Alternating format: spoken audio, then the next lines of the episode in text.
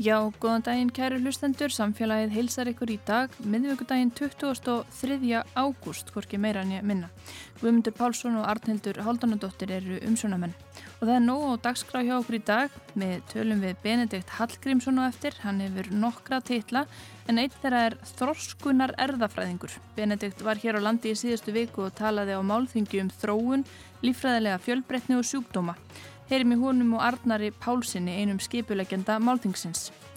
Matseðlar á ennsku, starfsfólk sem talar ennsku og áhyggjur af því að ferðarþjónustan grafi undan íslenskunni þetta hefur verið töluvert í deglunni sumar og Flavio Spadavecchia, hann er frá Ítalju og hann vann í ferðarþjónust á Suðurlandi í nokkur ár og hefur upplifað hvernig það er að reyna að læra íslensku samhliða laungum vöktum. Við erum svo málfarsminutu og svo kemur Edda Olgudóttir til okkar eftir sumaleifi sitt e, í sitt reglubundna vísinda spjall. En við byrjum á vísinda tengdu öðru þroskunar erðafræðinni.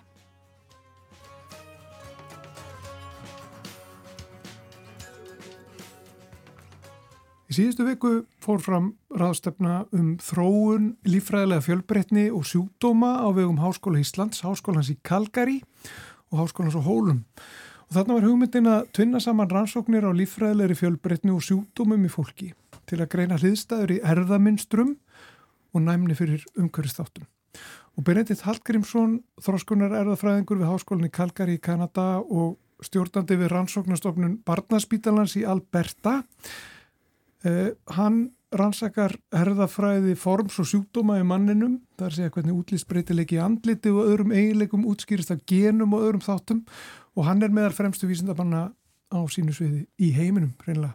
Og hann er sestur hjá okkur í samfélaginu á samt Arnari Pálssoni erðafræðingi, góðkunningja þáttarins sem var einn skipulegita þessara ráðstöfnu, verið velkominir í samfélagið. Takk fyrir. Sko, ég ætla bara að segja það strax þetta hljómar í flókið uh, fyrst mér að mista kosti. Og þið þurfum vel að byrja að útskýra bara nánar efni uh, þessar ráðstöfni, getið gert það fyrir okkur? Já, viltu, á, á ég byrja Arnar, eða vilt þú? Já, svona við getum kannski sagt uh, þetta er svona eila samþætting hjá okkur, tveimur og, og skúla skúla sinni sem að hérna við komum svona hver og sinni áttinni. Skúli er vistfræðingur og er að skoða lífræðilega fjölbreytni í, í fiskum og, og viskjörum hérlendis. Uh, ég er kannski meiri svona, svona þróunarfræðingur og, og svona og skoða breytileika í í byggingu dýra og, og, og þannig og, og Benedikt svona sérfræðingur í þróskunar erðafræði með áherslu kannski me, nú til dags meira á mannerafræði líka. Já, já. já maður segja, mað segja að þetta er svona tilraun í, í því að, að blanda saman svið, það sem maður mötu segja á einsku trans, transdisciplinarity að, hérna, að, að setja saman svið sem er kannski svolítið ólík, það er ekkert það er ekki verið mikið gert að, að blanda saman hérna, þrónafræði og og læknisfræði til dæmis, það er, það er svið sem gerir það en, en, en hérna, það hefur ekki verið mikið gert í, í sambandi við gen, genetíska sjútdóma og, og hérna ég er alveg 100% vissum það að það hefur ekki verið sett sett í þetta dæmi uh, lífælega fjölbreytni. Og þannig að við erum að hérna, setja, setja saman hérna, þrjú svið sem eru ólík. Og blandin í þessu líka hérna, hvernig fjölbreytni hefur áhrif á, á heilsu. Og það, það er til dæmis við verðum að tala um í, í, í rástefninu um, hérna, um áhrif mingunar af fjölbreytni á heilsufar frumbyggja í, í Kanada og það er eitt sem mm. að vera að rannsaka? Já, akkurat. Á. og er þá þarna að þið blandir saman þessum, þessum vísindalegu við varum saman úr greinum þá er eitthvað sammeilegt að það það er eitthvað sem tengir þessar greinar. Já, en alltaf það, það sem að er kannski bæði áhugavert og erfitt við þetta er að finna það sem er samheilegt um, og þegar maður finnur þessar samheilið hluti þá getur maður hérna, getur, þá er átt að koma upp með, með ný viðhorf sem maður geta, um, geta ítt vísundum eða skilning fram Um, það, það, er að, það, það er markmið, stórmarkmið í, í, í ráfstöðnum sem, sem, sem þessi þessum við blöndum saman ólíkum sviðum. Við náttúrulega lærðum í, í COVID en að veiru sjúkdómar í einhverjum hérna, viltum dýrum í austur í Asju en að mann finnst það að vera einhvern veginn skipta mannfólki yngum máli sko en síðan er það bara augljóst að, að eyðingbúsvæða og það að vera snerting við dýr og, og eiginleika visskerfuna hafa áhrif á hilsu bara beint mm. með, með COVID. En líka það eru aðri þræðir sem, að, sem eru augljósir og, hérna, og Michael Hart sem er aðri á ráðstöfnum með einmitt svona reyna að tvinna það inn frá sjónar, sjónarhóðli hérna, frumbyggja. En það er náttúrulega hérlendis líka, lífræðilegu fjölbreytileiki er kannski ekki mikill í klassískum skilningi á Íslandi að það eru næstum alla tegundir hérna finnast annar staðar en við erum samt með einstök vistkerfi og einstakann fjölbreytileika og, hérna, og, og það er, er náttúran okkar sem við lifum og hærumst í og þannig að það er mjög aðlilegt að, að tvinna það saman bæði fyrir nýtingu og að reyna að skilja heilsufar. Það sem er, er merkilegt við, við, við fjölbreytnar sem er verið að stúdur á Íslandi í, í, í sammækið þessari afstöndnu er hvað hún hefur orðið til á stuttum tíma og í tiltölu að litlum að hópum. Þannig að að hérna, erðarfræli hérna, basis á þessum breytingum getur verið einfaldur um, og, og auðvöldar að skilja heldur en í öðrum samvíkjum og, um, og við höldum þeir fram að þetta sé eitt af, mörgum hérna, strategíum sem hægt er að nota til þess að, um, til þess að hérna, finna ný, nýja tengingar að milli gena og, og þráskunarfræði og sjúkdómum í, í mannum hérna, það er mikið vandamál í, hérna, í, í erðafræði í dag að við finnum færri og færri ekki enn fyrir, fyrir sjúkdóma. Það er um, um það byrju núna 40-45% af þeim sem hafa genetiska sjúkdóma fá að fá aldrei greiningu vegna þess að annarkvöld er, er sjúkdómarinn ekki aðsjóðsverði við, við þekkt gen eða þá að þeir kannski hérna uh, fleiri en eitt gen sem er, sem er að vinna saman til þess að valda sjúkdónum eða þá sambandar millir gena og, og, og umhverfistætta. Uh, þetta er allt saman uh, mjög flókið og þær strategíu sem hafa verið notaðar í dag eru ekki, eru ekki nógu góðar. Þannig að um, Við höldum því fram að, að, að að leita til fjölbreytni í náttúrunni til þess að finna fyrirbæri sem að hérna kannski gerast ekki í músum eða mönnum sem er það sem, sem, sem við aðra stúdurum um, að þetta sé einn strategið sem við getum nota til þess að, að finna nýjar uh, ný, ný, ný tengingar á milli, milli gena og sjúkdóma. Og þetta er mjög mikilvægt? Mjög mikilvægt, já. Ef við veldum að spyrja okkur bara því sem þú gerir, mm -hmm. Benedikt um, sko, þú eru ansaka til dæmis að þætti sem ráða útliti breytileika í andlitum fólks Já. og, margt fleira. Getur þú sagt okkur bara aðeins frá þínu ferli sko, þú, þú ert náttúrulega þú ert búin að vera hvað í 40 ár í Kanada, eða hvað, eða Erlendis? Erlendis, já, já ég, ég vist orðið það gammal um, sko, Ég byrjaði í hérna uh, í mannfræði og þess að ég hafi áhuga á þróun mannkynsins en hérna hætti því mjög snemma og fekk áhuga á, hérna, á sambandi millir þróskunar og þróunar snemma þegar ég var um, í, sem, sem, sem nefni í, í háskólanum í Alberta uppálega og, og svo við háskólanum í, í, Chicago þar sem ég stúduraði doktors þar sem ég fór, í doktorsnum og helt ég bröyti áfram þó svo ég, ég útskrifaðist í mannfræði við háskólanum í Chicago. Um, og byrjaði snemma að stúdira hvernig uh, þroskun býr til breytileika innan tegundar uh, mekanisma sem, sem að valda því að, að einstakleikar eru, eru mismunandi frá, frá, frá, frá hverjum örum og þetta náttúrulega er, er, er, er hérna, svið sem hefur mikið væg fyrir þróun vegna þess að, að þó svo að, að seleksjón virki á, á, á breytileika sem að, á einstakleikum þá er þá eru þeir beitileikar hérna að þeir, þeir, þeir, komast til næstu kynnslóði gegnum genin en á milli genana og, og þeim beitileikur sem við sáum er, er þróskun og það, hefur, það skiptir mjög mjög máli að skilja hvernig þróskun mótar genetiska áhrif þess að búa til, til beitileika. Þannig ég stúdur þetta uppálega sko frá, frá því sjónumiði en, um, en fyrir svona 20 árum síðan held ég byrjaði að byrjaði að hafa áhuga á að blanda því saman við, við genetiska basis á, á, á sjúkdómum og sérstaklega það sem við kallum á einsku structural birth effects, ég, ég veit ekki hvað það er í Íslandsku þeir. Fæ, fæðingagallar og, fæ, já, okay. og sem hefur áhrif á höfulaga limaburði eða eitthvað slíkt.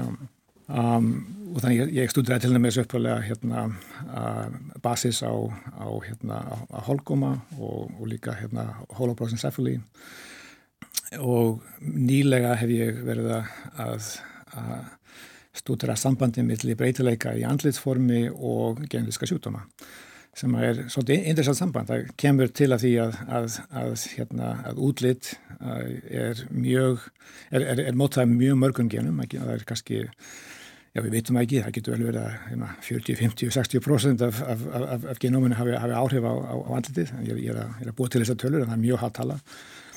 Um, og mörg þessi, þessi gen sem hafa áhrif á, á andlit geta, geta líka valdið sjúkdónu þegar það eru stokkbyrningar í, í þessum genum. Þannig að, að það sem að gerist af, af, af þessu er það að margi sjúkdómar sem kannski hafa áhrif á einhverja, einhverja, einhverja hérna, me, metabóliska prósessu sem hefur ekkert að gera með andlitið hafa líka þessi auka áhrif á, á, andlitsform og þá er hægt að, að greina genetiska sjúkdóma frá, frá því að, að mæla útitt, mæla, mæla hérna, þrývita form á andlitum sem er svolítið já, svolítið skrítið. Já. Þannig að við, við höfum, uh, höfum gert mikið af því und, und, und, ár. Um, þannig að það, það, þetta, þetta uh, verkefni er að blanda saman öllum þessum, þessum áhugum sem ég hef, sko, hérna, með me, me, mekanisma, mekanisma og, og breytileika og, og drónafræði, uh, hálfsmunafræði og genetík. En, sko, en útlitt fólks, sko, maður ef ég horfa okkur hérna já, þrjá, er eitthvað sem að getur verið sko, eitthvað breytilegi handlitunum og okkur sem getur gefið til kynna eitthvað sem að já, jafnvel einhverja gendiska slutum að þá? Það getur vel verið, ég hef ekki tekið þrývitamint okkur. En er sko þurftur að þá fara bara með djúft í það eitthvað og, og, og greina það? Og, og hvað er það þá? Hva, hvaða breytir þið gerð þetta í útliti fólks? Bara heila bara hvernig, hvernig handlitsfallið er og, það, það, það getur verið eitthvað mjög lítið sko, þetta eru, hérna varjóðsynir sem við, við hérna mælum eða, eða, eða sjáum í gegnum hérna mjög floknar aðferðir eins og, eins og hérna machine learning til dæmis þess að hérna til þess að að, að, ekstraktera patterns sem sem hafa, sem hafa sambandi millir saman við, við, við, við einstakar sjúkdóma. En það, þetta, er ekki, eitthvað eitt, það eru margar áttir af, varjósson sem að, hérna, geta verið geta verið tengta sjúkdómum. En eitt sem ég get sagt um það er það að, að, að þó svo að við skinnjum breytileika andlutum sem mjög, mjög fjölbeitan og hann er það náttúrulega um, þá er ekki þá er, er andlut ekki eins fjölbeitan eins og, eins og, eins og getur verið. Það, það er mjög sterkar tilhenga fyrir hérna þeir parta af, af andlundinu til, til þess að, að varjara saman. Sem gera það verkum að að ef þú kannski, eins og, eins og við gerum stundum að þú tekur 5.000 punta og setur á andlitið og, og hérna og reykistæra þá alla í stórum hópi fólks og, og hérna og gerir svo anlýs á þeim þá eru kannski, kannski 15-20 áttir af varjósuna sem að útskýra alla, alla varjósuna í, í hópnum en, en, en, en starfæðilega getur verið 15.000 áttir sko. Þegar að svona rannsóknir eru stundar, er þá gott að vera með sem fjölbreytasta þáttakendur? Fólk á ólíkum uppruna, fólk sem helstu fyrir mismöndi aðstæðu? Já, það er það, já, en eitt sem er svolítið, svolítið interessant við andlitsform, þó svo að við höldum að, hérna, kannski að Íslandika séum með einhverja andlitsvipi og og hérna maður getur, maður getur sé kannski fólki frá, fólk frá Ítalíu þeir líti út af vissan átt það, það, er alltaf eitthvað til í því en þetta er mjög lítið hluti af, af breytileika í, í, í handlisformi um, það er hérna það er ekki nema að kannski já, sagðat okkar meðlingum 15% til dæmis af, af variasjón í, í handlisformi sem er hægt að, hægt að skipta niður í stóra hópa í heiminum. Og þessar hópar náttúrulega eru ekki, er ekki, ekki líffræðilega er verið til, það er breytileiki í, í, í mannkjöndi yfir allan heiminn í, í húlit og, og, og í ymsum atriðum. En fólk skiptist ekki niður í sterka hópa. Það er í andlisformi eins og í genetík þá er um 85%, 85 af atrið varjur sem til í öll, öllum löndum í heiminum. Það sem að segja. Ef þú segir okkur aðeins frá mm -hmm. uh, líka uh, stóru verkefni sem er í gangi, sem að þú hefur svona fórustu fórustu í að það er uh, risastyrkur sem að háskólinni Kalkari fekk e, þú varst líkil maður í því að tryggja þennan, þennan styrk. Já, það var að segja við vorum kannski fjögur, fjögur saman uh, ég og, og François Bernier og, og Michael Hart þeir eru báðir hér á árastöndunni og líka Susa Bensler sem er, hún er hérna, stjórnandi uh, stofnunum okkar.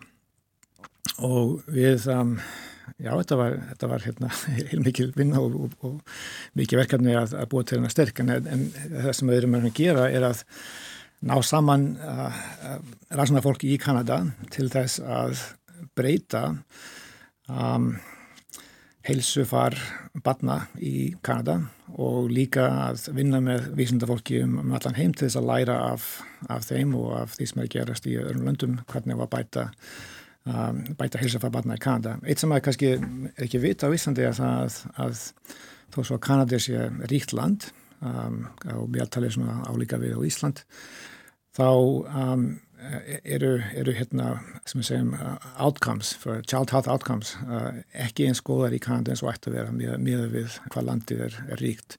Og þetta er sérstaklega satt náttúrulega fyrir, fyrir í, í hérna, indigenous communities hjá frumbyggjum í Kanada. Við skiljum ekki okkur þetta er, það er ímist vita um þetta. Um, Það getur vel verið að það séu aðalega hérna að sósjál þættir sem að, sem að valda þessu. Það er mjög, mjög, mjög líklegt.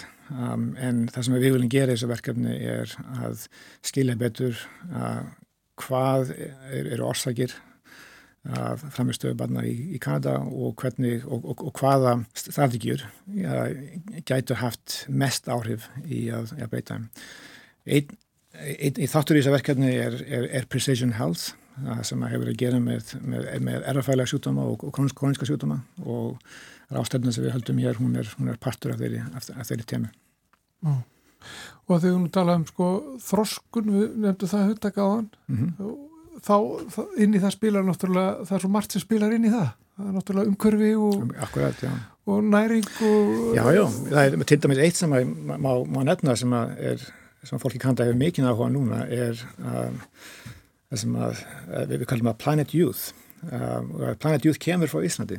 Er Íslands verkefni sem að um, var, var búið til að mjög skilningi til þess að hérna, eiga við alkoholsneislu og, uh, og vandamál í únlingum um, og hérna og var uh, hafði mikil áhrif hér, hér á landi og núna er verið að breyða þessu út. Um, og næðum þessu. En, og núna er er, er, er borgin í Kalgari hérna, borgarstjórnin, hún er á bakveita við erum að vinna með skólum að, til þess að, að, að gera, gera hluti eins og að opna leikvimissali og hafa klúpa sem að fólki sem að krakka getur verið á kvöldin. Þetta var stór þáttur í, Planet Youth að gefa krökkum eitthvað eitthva, eitthva, eitthva að gera þegar aldrei að fara át á planið og dræka um, og þetta eru hugmyndir sem að, sem að koma frá Íslandi sem eru að bregast um allan heim og við erum að nota þessar hugmyndir í, í, í One Child Every Child Já.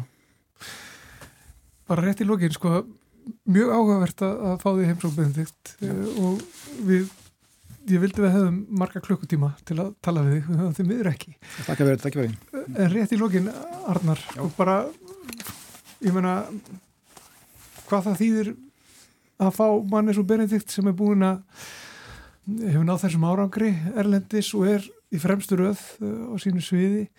Uh, það lítur að mikilvægt bara fyrir uh, okkur hér að, að fá hann til landsins og, og til að taka þátt í þessar rástemnu og, og fleira.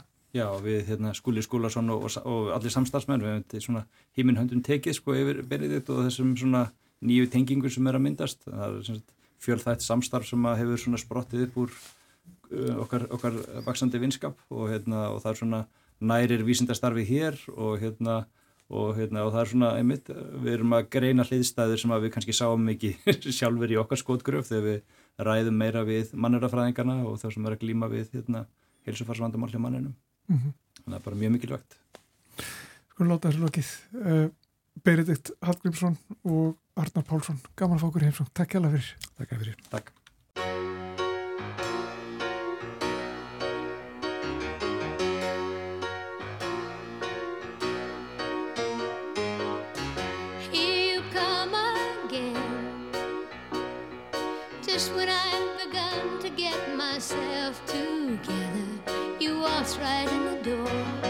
just like you've done before, and wrap my heart round your little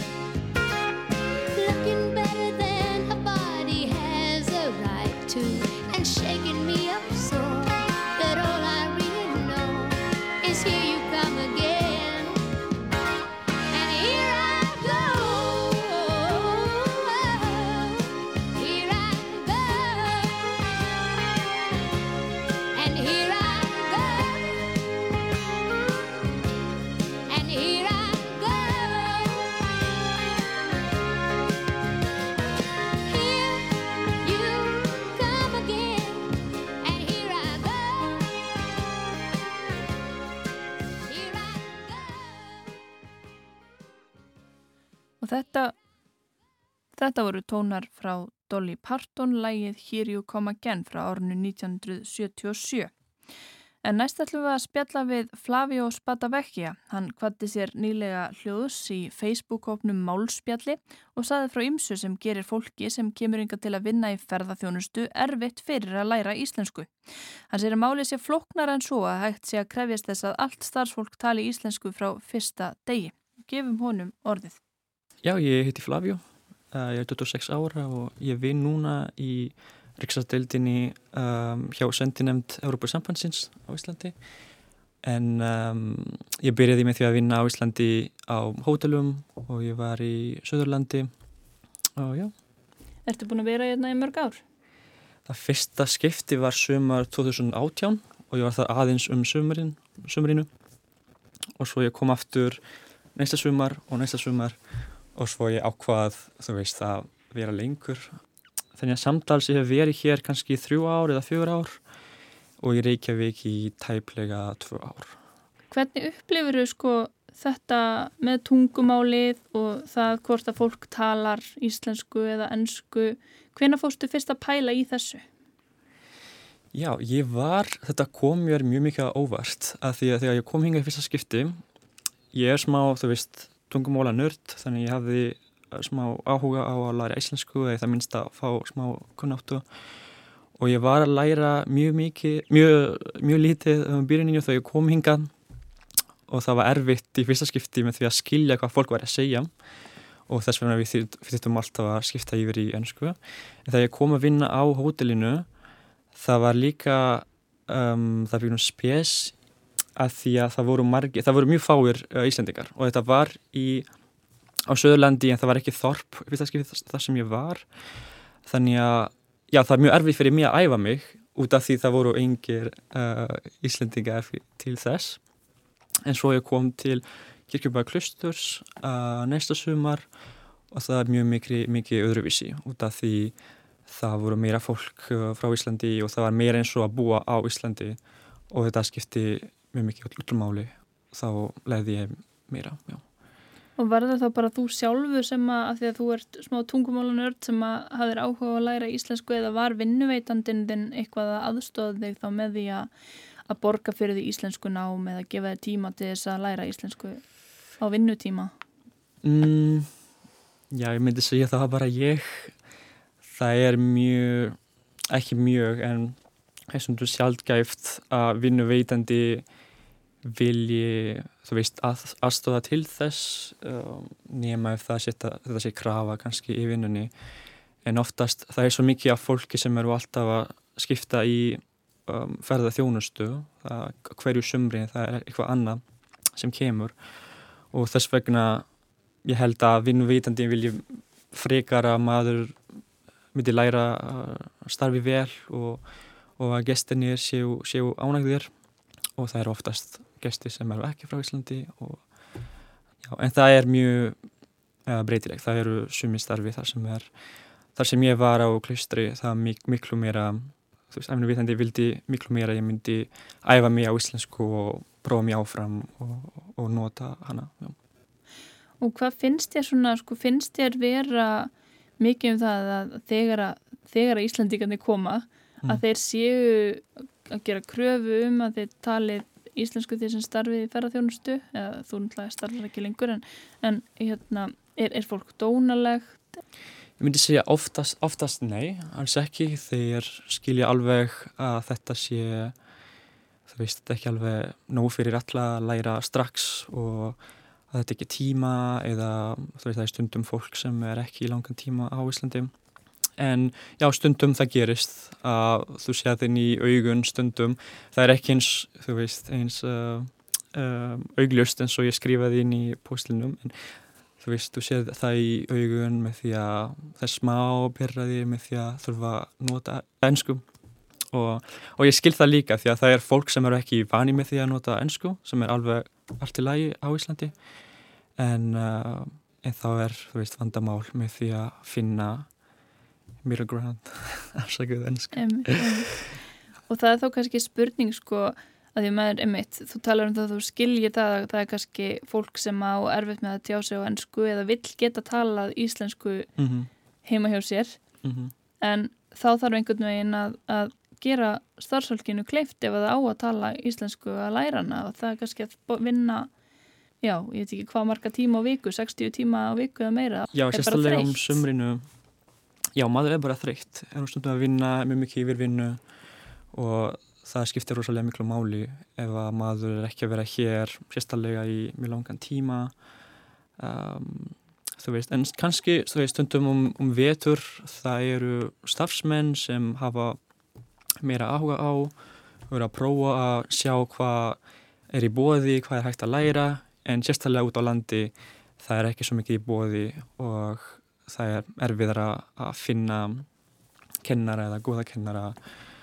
Og stundum Íslendingar skilja ekki að þú getur ekki farið frá 0 til 100% í eina viku, þú veist, það er mismunandi uh, nefendur sem, sem eru í svona stig þar sem er ekki alveg hægt að fara fullu að, að hafa uh, full samtal á íslensku en það er hægt að tala um uh, sér umræðu efni þannig að ef allir væru pínum vera þóli móðir, móðir þá kannski það var einfaldara fyrir alla að Já. lokum, en já, það tekur tíma. Þú talaður um einmitt í póstunum atvik þar sem að samstarfsmaðurinn talaði um það að, þegar það væri verið að spyrja talaru íslensku þá væri ekki verið að spyrja um tungumálakunnatu heldur bara hvort þú værir innfættur Íslandingur og talaðir 100% dreifbrennandi íslensku. Þannig að það er svona Sko, dregur kannski úr manni Ég veit ekki uh, ég veit ekki alveg hvað hann meinti með það en jú, hann saði eitthvað svo leiðis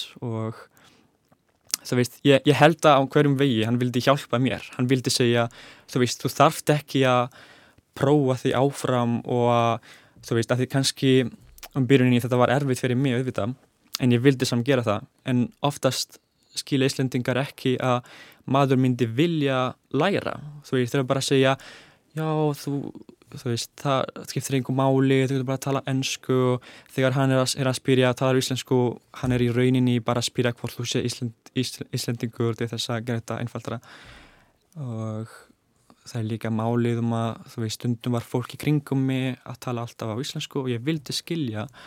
Ég vildi vera partur af því og samfélagi og að þetta skipti rosalega miklu máli með tungumóli það er ekki bara um uh, samtal, það er ekki bara til að fara inn á, inn á veitingastað og spyrja já, hvað er í bóði í dag? Veist, það er líka um að vera partur af samfélagi og þú veist að sanna að þú vilji vera hérna lengur og og þegar að fólk er að að æfa sig í íslensku, hefur áhuga á að læra jafnvel þó að það sé erfitt og kannski ekki stuðningur mikill frá vinnuveitandanum með að krafa að þá náttúrulega skiptir máli að samfélagið er með tjálpið er að læra tungumálið og fólk síni þólumæði og, og sé ekki alltaf að skipta yfir í Mhm. ennsku um leið og það heyri kannski einhvern reym eða um leið og fólk hikar en svo heyrir maður líka Íslandingar eru líka kannski, kannski stressaðir og, og finnst þeir vera kannski að krefjast og mikils af fólki já. þegar þeir halda áfram að tala íslensku og setja það einhvern veginn í erfiða stöðu Já, og ég held að þetta sé mesta ástæða eða stærsta ástæða fyrir því að oftast Íslendingar vilja ekki prófa einu sinni. Þau vilja bara gera þetta einfaldast og reyna að hjálpa manninum sem þau eru að tala við. En í rauninni þetta, ekki, þetta hjálpar ekki alltaf. Og, Hvernig Um, væri best þá fyrir fólk að bera Já. sig að? Hva, hvað ætti fólk að gera? Spyrja bara, viltu tala íslensku? Já, hvað spurning, þú veist, ég myndi segja um að byrja alltaf á, á íslensku og ef maður segir já, fyrirgefðu, sorry þá bara endur taka án þess að vera perrandur eða það er líka hægt að segja viltu ekki tala í íslensku eða ennsku þú veist, allir myndi skilja það í það minnsta og svo svara. Og já, stundum þú veist, það gæti verið erfitt með því að skilja einhver með hreim sérstaklega því að Íslendingar eru ekki vanir því þú veist, mér finnst það sérstaklega fólk frá bandaríkunum eða líka Ítalíu, Ítalíu séu vanið með því að heyra fólk sem tala með hreim og eru líka vanið með því að tala sem er einfaldara orð og Vanir í að tala við fólk sem eru á mismunandi stað í því að læra tungumáli Því að það skiptir rosalega máli hvort maður sé að tala mjög hratt og ekki veist, bera fram hver einasta orð og þetta kannski hljómar heimskulegt að gera það að því að maður er ekki vanur. En það er mjög mikilvægt fyrir fólk sem er að læra að byrja með því að heyra veist, einfaldara íslensku og svo æfa sig og, og geta loksins skilja venjulega íslensku. Já, eh, en þú að þú ert að tala um að Íslendinga tali rætt, þú varst mm. með rosa gott dæmi um alveg típiskan Íslendingi sá hennar manni eða fyrir mér þegar ég lasi þetta yeah, okay. sem að hérna Hvað sagði það náttur? Ég skrifaði Hér, það er svo mikið ofeður úti Ég er bara að leita upp ekki og leik, já, getur þú endur tekið já. já Þannig Íslandingar svona eiga kannski til um þetta tala látt rætt, óskýrt og það, það hjálpar ekki þegar maður er að reyna að fá aðgang af Nei, það hjálpar ekki og það gerist á hvaða tungumál sem er en máli er á, á Íslandi fólk er ekki vanið því að tala við útlendinga á íslensku ég að þeir skil ekki að það myndi skipta máli að já, bera fram smá og betur. En það, það er sko mjög umræða núna í sumar, það er náttúrulega búið að vera mjög stort ferðamannasumar. Mjög mm. margir ferðamannu verður að fjölga aftur eftir COVID mm. og það er miklu meira ábyrjandi þessi umræða um hvort að matsælarnir eigi að vera á íslensku fyrst, hvort að starfsfólkið eigi að læra íslensku. Er þetta eitthvað sem að sko veldur auka álægi og kannski vannlíðan hjá fólki helduru sem að er nýtt og, og er að vinna þessi störf hér? Mm. Nei, mér finnst að það, það er uh, betra fyrir alla ef að matseðarnir og skildi eru alltaf á íslensku líka. Að því að þá getur veist, það getur gestur bara vali hvað sem er og líka beint, beint á með fingri og svo myndi hvaða þjón sem er skilja hvað það sem uh, þeir vilja. Og þú veist, í rauninni ég held að það sé mjög, mjög sjálfgæft að sjá matseðil eða fullan matseðil á veitingastöðum á á Íslandi sem ekki er á Íslensku það sem gerist stundum og það er satt er að það eru skildi út á gödunni, sérstaklega í miðbænum þú veist, leikjartorki sem eru á ennsku fyrst eða bara á ennsku og þetta er í rauninni bara marketing, þú veist, fólk er að labba og það er rosalega mikið af, af gestir og túristum og þeir eru bara að labba og eru bara að pæla því og kannski vera að líta á augun þar og skilja hvað, hvað er að segja. Ef það væri á íslensku fyrst þá kannski myndi ekki býða með því að sjá hvað er fyrir nýðri. Og já það er sorglegt að segja en ég skil á hverjum vegi af hverju atvinnum vitandi eða veitingastjóri eða hvað sem er myndi nota svona tekník. Mm -hmm. en, uh, en já það er líka hægt að vera með báða tungumál. Kannski settu tvö skildi kannski gerðu eina tungum, íslenska stærri eða settu, ég veit ekki þú veist, en það er það hlýtur að vera laust til þess að bassa sig á að allir séu sátti með því og það skiptir rosalega máli að geta tala sér eigi tungumál og sínu landi. Fólk vill, vill ekki bara að lesa um, ennsku allra tíma sem er skiljanlegt og það ætti að vera hægt að gera það og líka að fá turista og, og gesti frá öllundum að koma til sín veitingastæðin. Mm -hmm. uh, hvernig myndur að halda að væri best í rauninni að gera þeim sem vilja mögulegt að læra íslensku án þess að vera einhvern veginn með fordóma, án þess að vera að setja ofmikla pressu mm -hmm. á fólk og láta því líða í? Það er mjög erfið spurning og ég veit í rauninni alveg hvað lausnin er.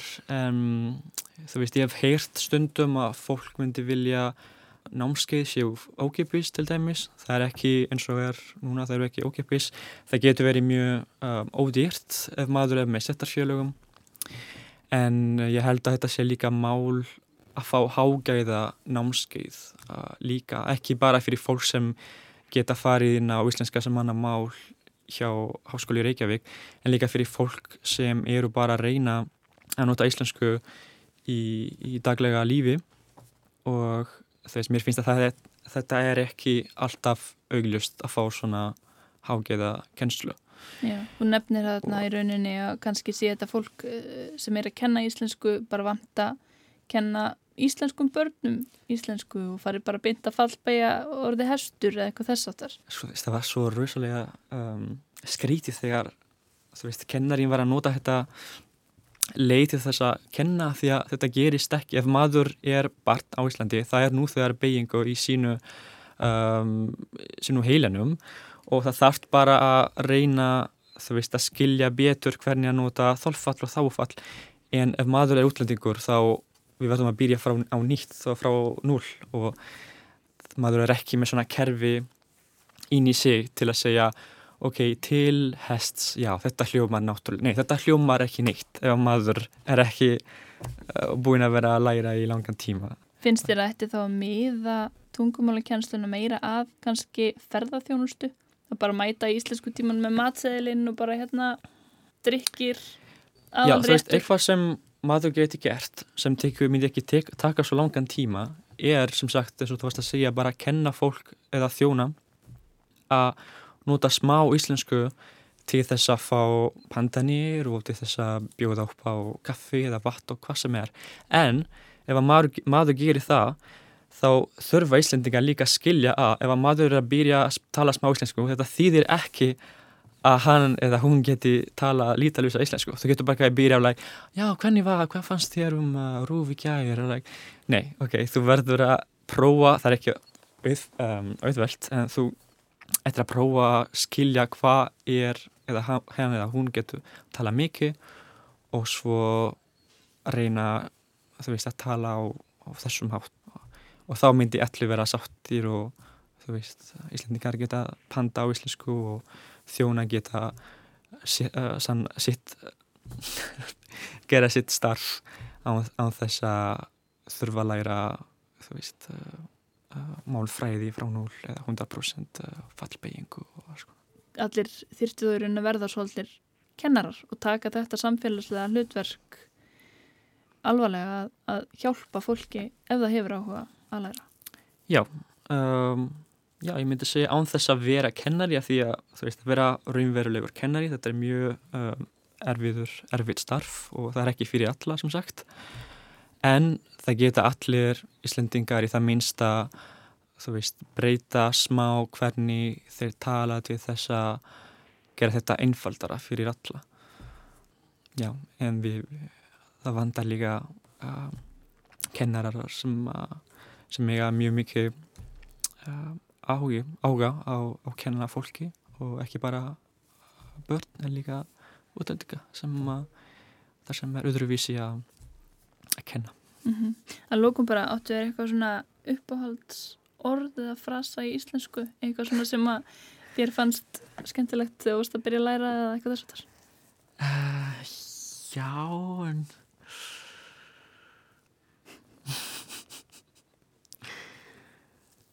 kemur ekkert í hug núna. Mér fannst alltaf skortur, smá sko.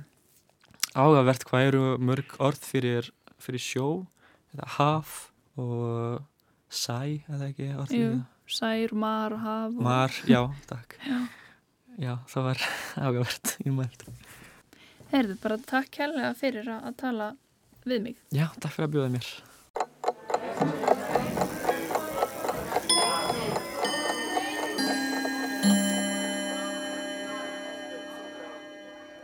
Fólk sem samsamar sig þriðjupersonu fornöfnum í kvenkinu og karlkini skilur ekki alltaf að það getur verið særandi að nota sér fornöfn sem á ekki við um viðkomandi. Það skiptir máli að verða val hvers og eins á personufornöfni. Það færist í vöxt að fólk segi frá því hvaða fornöfna kýs þegar það kynir sig og er til dæmis algengt að tilgreina það á samfélagsmiðlum.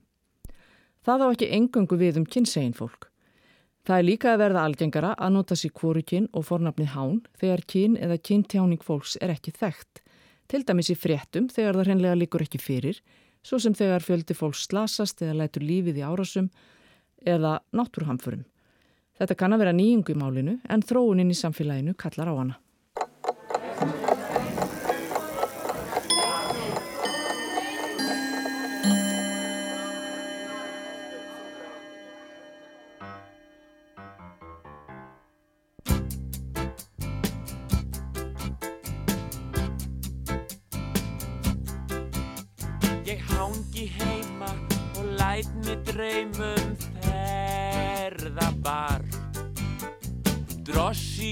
Og far með smirli Um hús á hjólum í vastalshólum mæna jörð. En samt er það nú svo að þó ég fjarkjó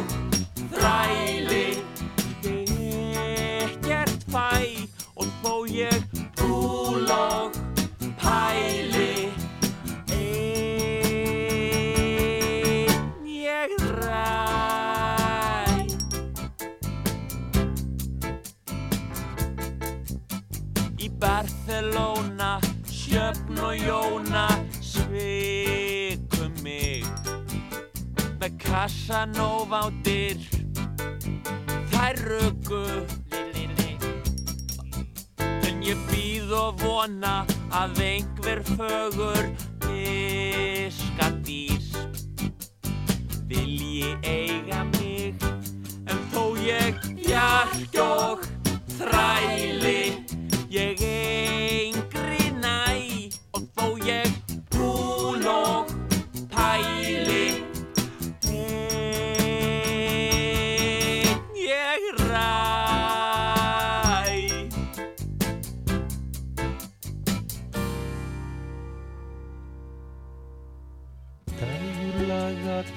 textarnir þeir fjalla gjarnanum. Hver auðvelt er að ná sér í konum. Þú ferð bara á ball. Úlend, úlenda Ó, ó, ó, ó, ó, á Spáni húsögnali Hvernig fórum sjóferð þá? Tók sögu hetjunni konað fá. Reynda gerðan það, hún var fjórum árum yngri og hann gerði svolítið meir, meir að segja bæði þetta og hitt. Alveg satt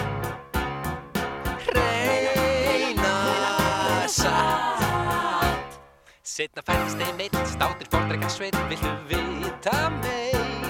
Jú, þú leiðu í blokk, fengu grafík og potta í brúðargjöf og unnu eins og brjálums fyrir vikslunum sem fengu varla sofiðs fyrir gjaldögum Það borgar sig að byggja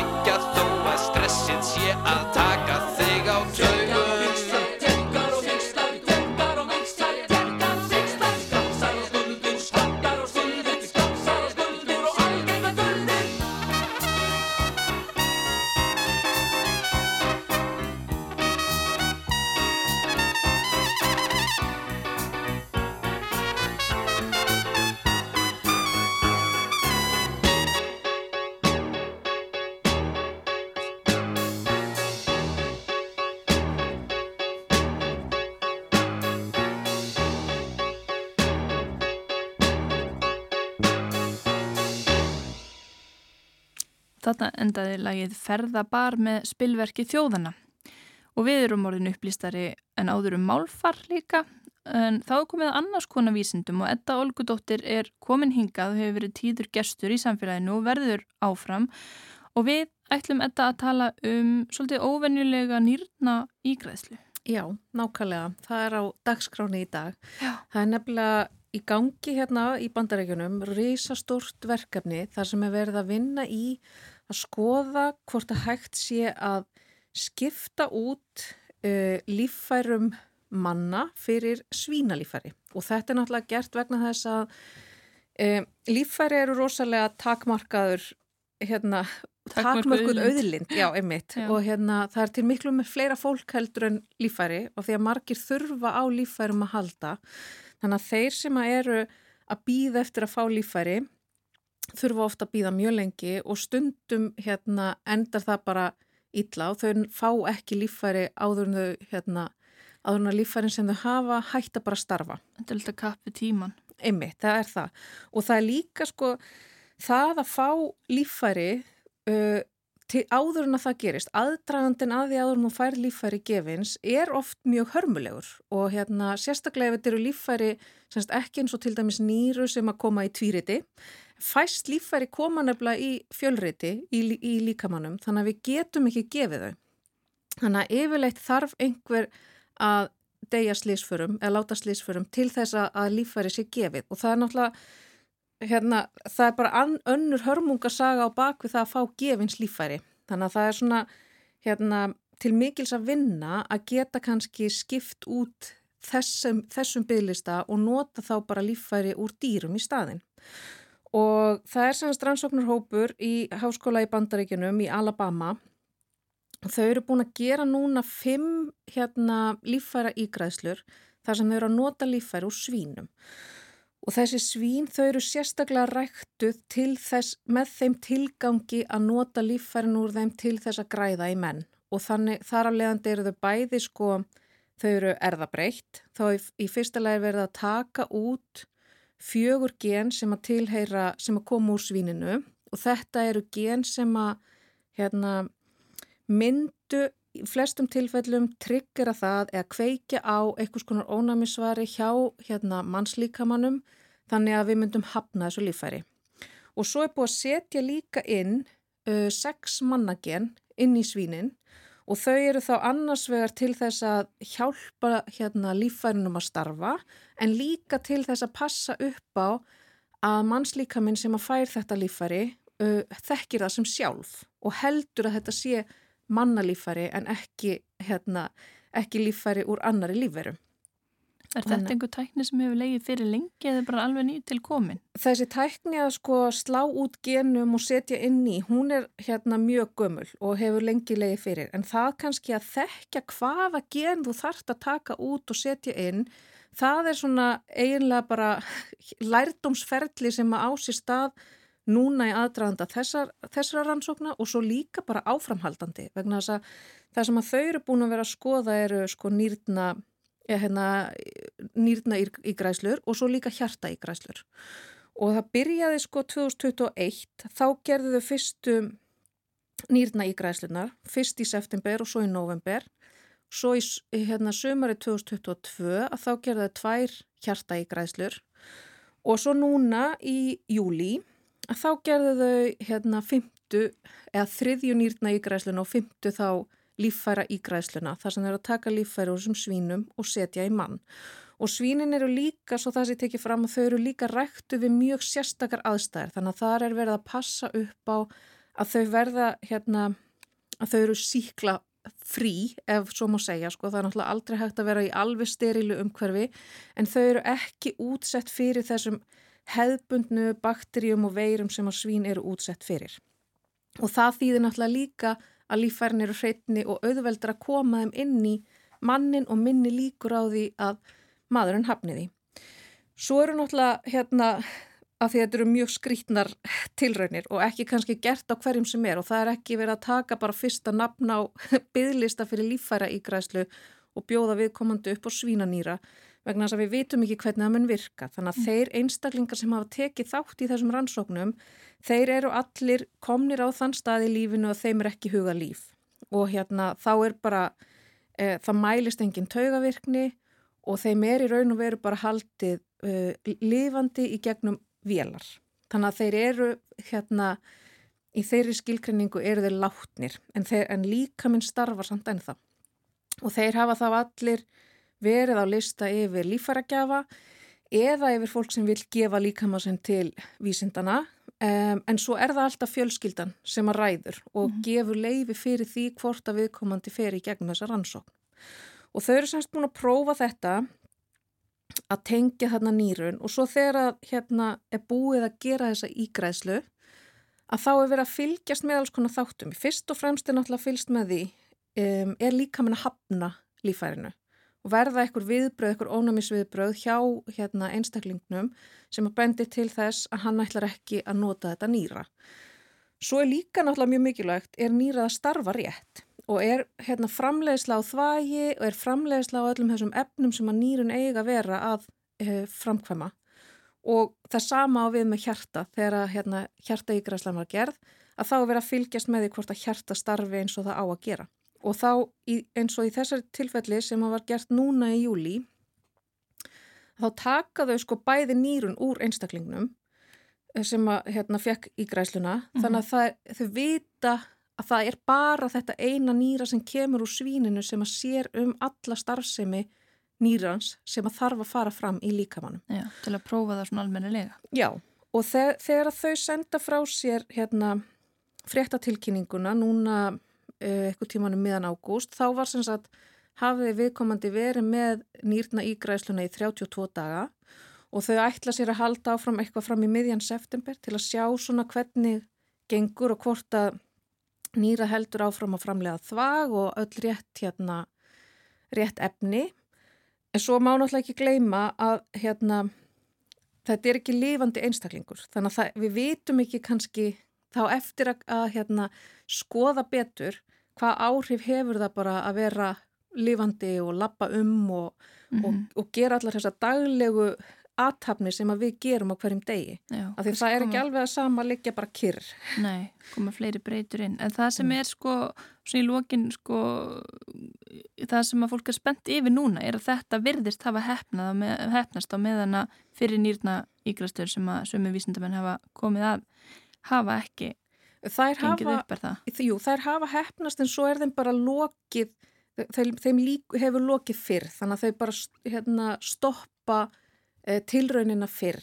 Og, en þau hafa samt fengið hérna, jákvæða svörun úr nýrunum og, og séð að það verður hérna framleiðsla á, e, á þvægi þannig að það, nýrun er að starfa rétt. En svo er náttúrulega veist heimurinn er aldrei svartkvítur Og það eru þarna alveg reysastóra siðferði spurningar líka að því að þó að við séum að reyna að bjarga rosalega mörgum mannslífum að þá verðum við líka að spurja okkur ætlum við að eiga til hérna dýr á lager til þess að eiga líffæri í alla einstaklinga sem að munu þurfa á því að halda.